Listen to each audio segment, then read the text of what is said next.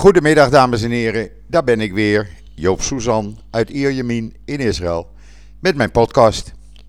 Ja, zoals gebruikelijk, eerst even het uh, weer, want uh, ja, de podcast zit vol met nieuws uit Israël.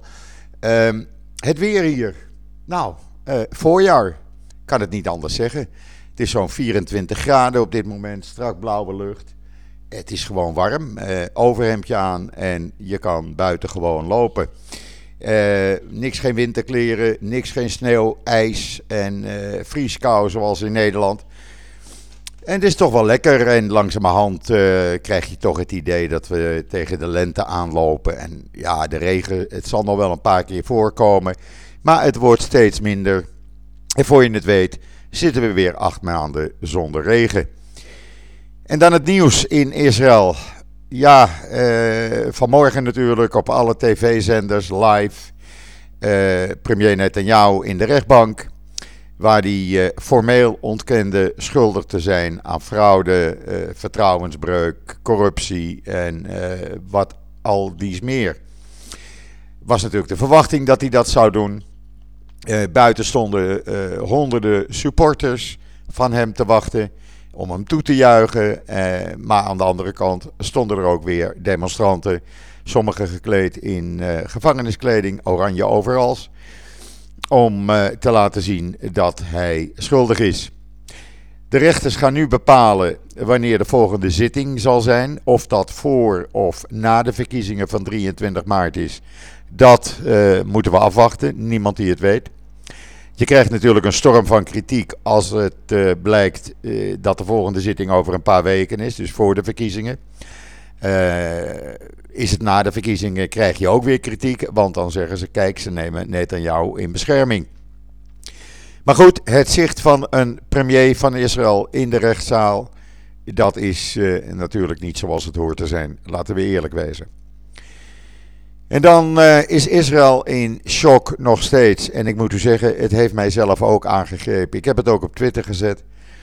Uh, een jonge vrouw, moeder van vier kinderen, werd voor de ogen van uh, haar vier kinderen door haar echtgenoot, een politieagent, doodgeschoten. Eerst blijkt nu dat ze gestoken werd door hem vrijdagavond tijdens een, een ruzie. En daarna schoot hij er twee keer in het hoofd. De kinderen waren boven en die kwamen naar beneden op het geluid af en zagen hun moeder in een plas bloed liggen. Uh, de vrouw, uh, ja, we hebben de video's gezien. Uh, hele aardige jonge vrouw, knappe vrouw. relatietherapeuten die honderden mensen heeft geholpen. En die wordt zomaar voor haar vier kinderen doodgeschoten. Wat die man bezielde, niemand die het weet. Hij zegt: Ik had een blackout. Maar het hele land is er uh, ja, van ondersteboven eigenlijk. En als je dan de beelden ziet, zoals dat zaterdagavond en gisteravond weer op de journaals werd gedaan. Ja, dan, uh, dan krijg je toch een brok in je keel, want dat is gewoon verschrikkelijk. En wat de reden nou is, niemand die het weet. Echt niemand die het weet. Uh, er is ook een, uh, uh, hoe heet dat, een, een, een, rekening geopend waar je geld op kan storten. men had gevraagd om 500.000 shekel voor die vier kinderen. Blijkt dat er al bijna een miljoen is binnengekomen, zo'n 250.000 euro. En men heeft besloten om de target te verhogen. mensen blijven geld storten. En ik heb daar zelf ook aan meegedaan. Vrienden van mij ook. Uh, dat doe je gewoon, het is het minste wat je kan doen om die kinderen in ieder geval in de toekomst uh, een beetje te kunnen helpen. Kinderen worden nu opgevoed door de grootouders. En hoe dat verder moet, ja, televisie zal ons daar wel uh, verder over informeren. Want zoiets in Israël, ja, iedereen kent elkaar en dat grijpt iedereen aan. En dan het coronavirus in Israël. Op JoodsNL kunt u lezen dat er nu 3,5 miljoen mensen zijn ingeënt in totaal.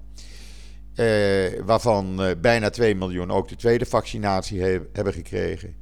En eh, er op dit moment 1718 mensen in het ziekenhuis liggen. Waarvan er 1059 in kritieke toestand en 300 van hen aangesloten op beademing. Het opvallende is dat het steeds jongere mensen zijn.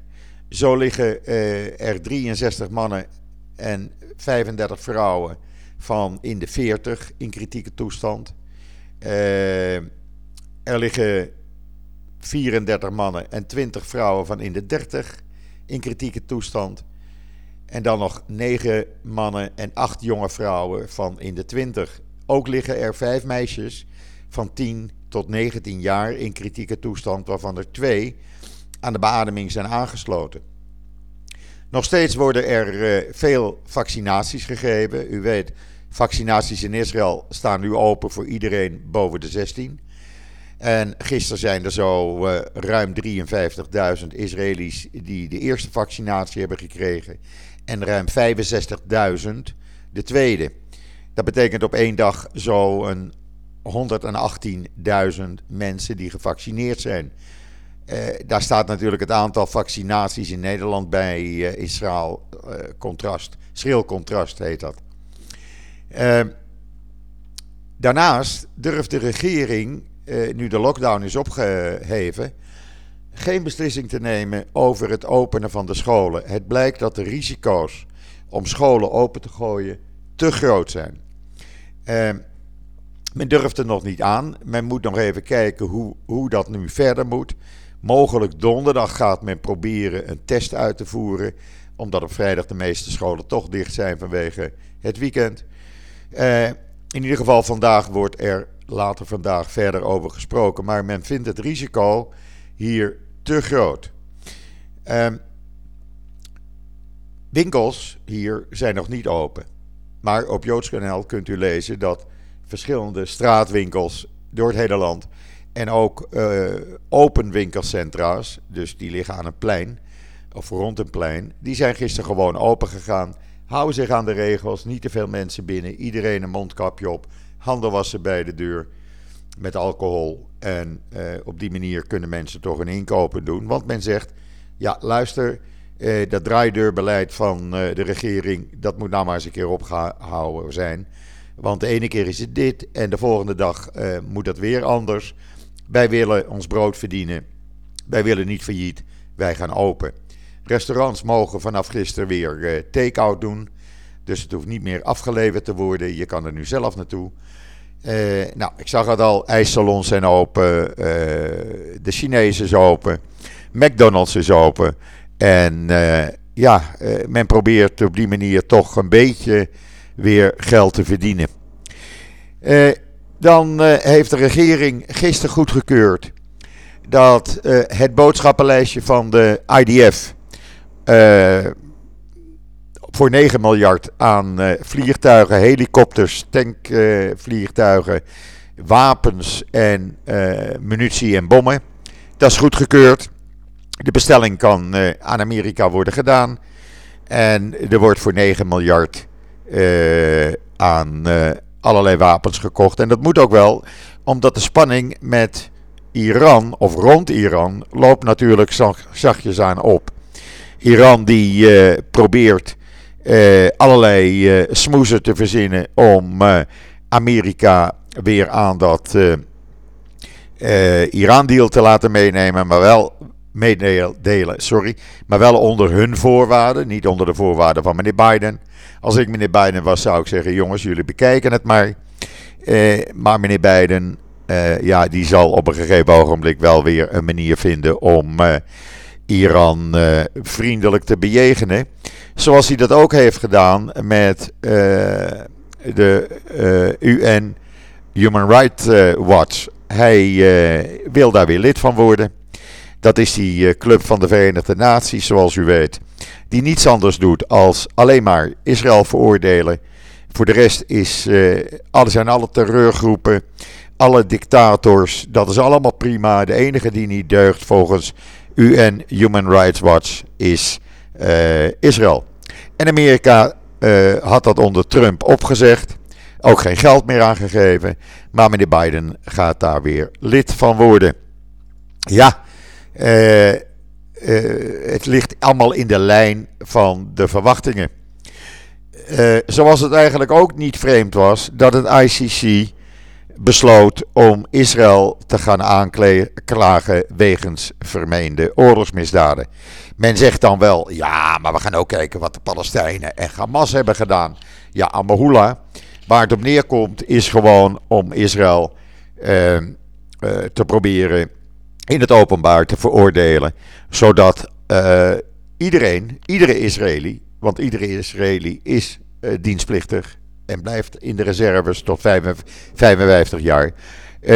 ja, die kan dan op een gegeven ogenblik, als die aanklachten doorgaan, niet meer op reis. Want de landen die aangesloten zijn bij dat ICC, die kunnen dan iedere Israëli gewoon oppakken en aan het ICC uitleveren. Uh, dat is natuurlijk een absurde situatie. Terroristen kunnen overal naartoe, kunnen vrij reizen, want niemand iets een poot dwars zet. En uh, gewone Israëli's worden opgepakt vanwege het ICC. Dat wordt de absurde situatie.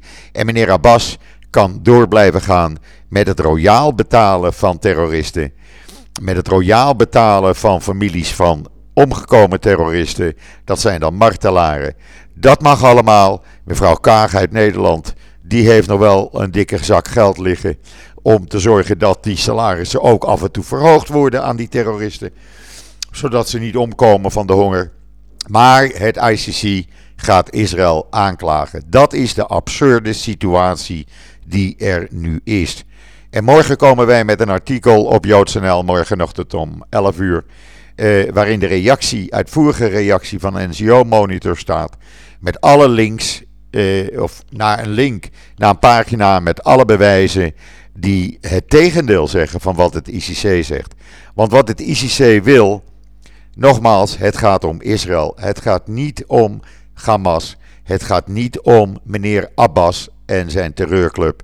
Het gaat om Israël, om die aan te klagen wegens oorlogsmisdaden. Nou, ze bekijken het maar. En Nederland is daar trouwens ook schuldig aan. Nederland doet daar net zo hard aan mee. Als u vanmorgen op uh, mijn timeline het artikel leest van Ernst Lishauer dat Nederland en het ICC zich op glad ijs begeven, dan begrijpt u precies hoe de vork in de steel zit. Ik zou zeggen, lees dat artikel. Het staat op mijn timeline uh, en op de Twitterlijn van Ernst Lissauer. Uh, en ook bij Ongehoord Nederland, de radioomroep, waar dit artikel online is verschenen. Het is een heel goed, duidelijk artikel waarin alles uiteengezet wordt. Dus ook de Nederlandse regering is medeschuldig aan de beslissing van het ICC. En dan, uh, ja, er waren twee Israëlische ziekenhuizen. U zult het misschien gelezen hebben bij ons op JoodsNL. Die hebben mogelijk een medicijn uh, ontwikkeld. Waarmee patiënten met COVID-19 die in het ziekenhuis terechtkomen na een dag of vijf, zes het ziekenhuis gezond en wel kunnen verlaten. In het Igelov ziekenhuis is men jaren bezig geweest met een bepaald medicijn. Uh, dat heet Exo CD24. Ja, ik, uh, ik heb het ook niet uitgevonden. Even een slokje water. Uh, en dat, hebben ze, dat zijn ze aan het testen. Ze hebben het eerst nu getest aan een, een 30 patiënten. 29 van hen die konden drie tot vijf dagen daarna konden ze al naar huis. Eén patiënt moest een paar dagen langer blijven. En uh, ja, het is een heel moeilijk medicijn. of moeilijk. In principe komt het erop neer dat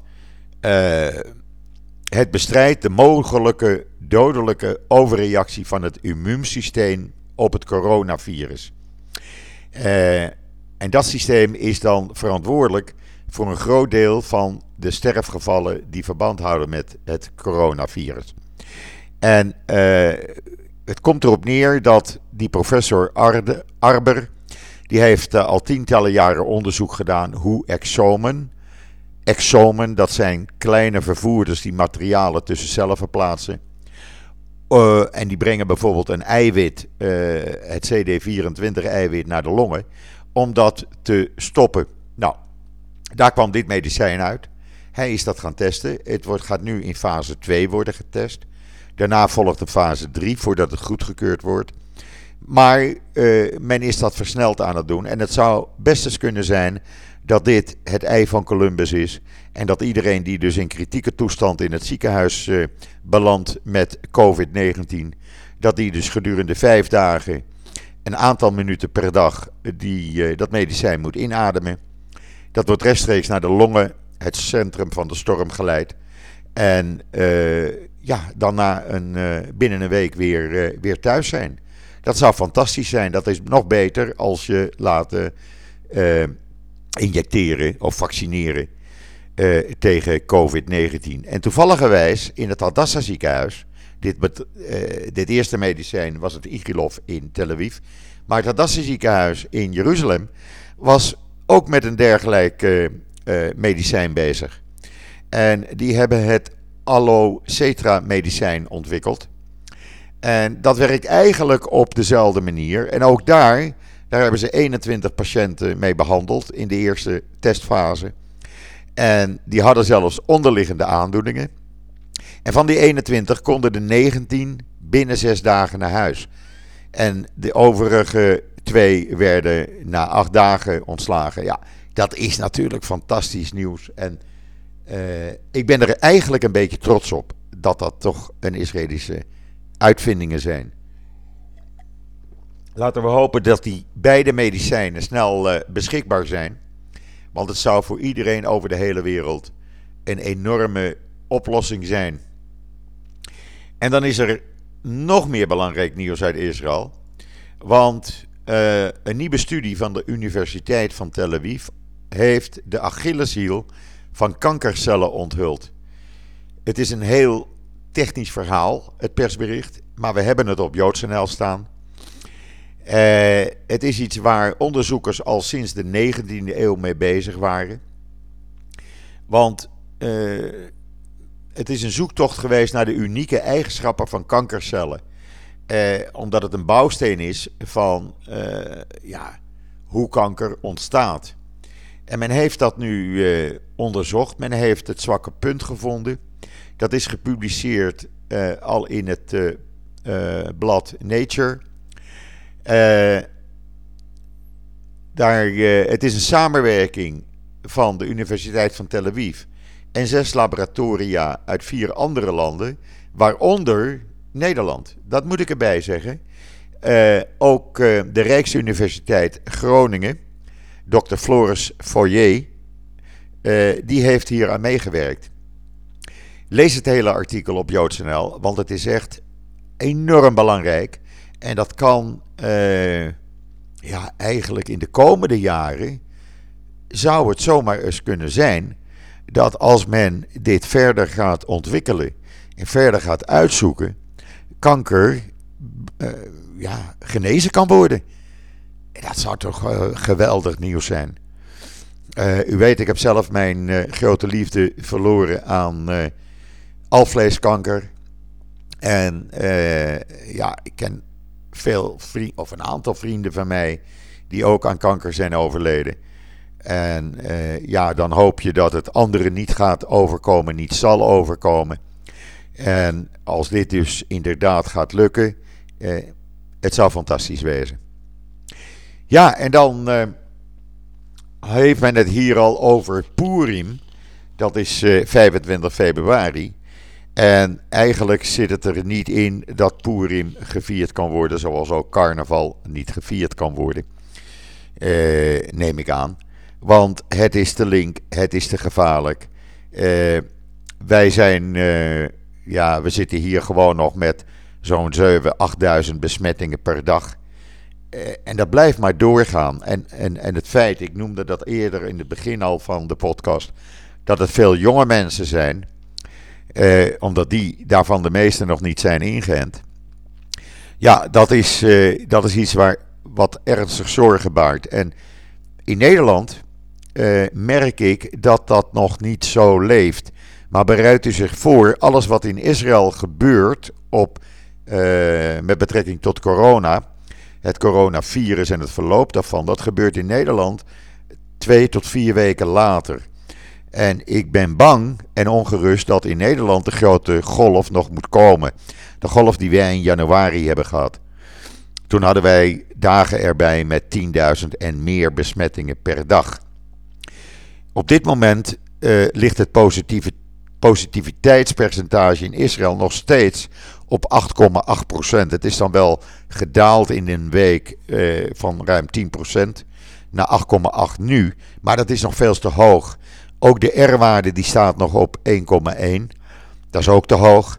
En uh, het blijkt dat veel kinderen, uh, zo'n 55, 60.000 kinderen, het virus bij zich dragen. Er liggen ruim 100 kinderen in de ziekenhuizen.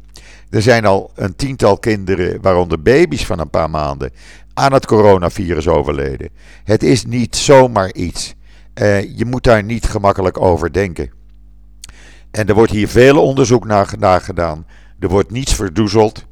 Alles komt in de openbaarheid. Elke avond zie je spotjes op tv en daarna in de nieuwsuitzending met de laatste stand van zaken. Uh, ook de ontwikkelingen. Er is een, uh, een virus-expert, een vrouw, oudere vrouw, uh, professor Galia noem ik haar. En die komt elke dag als een soort grootmoeder uitleggen wat de ontwikkelingen zijn. En dat is al een vertrouwd gezicht geworden.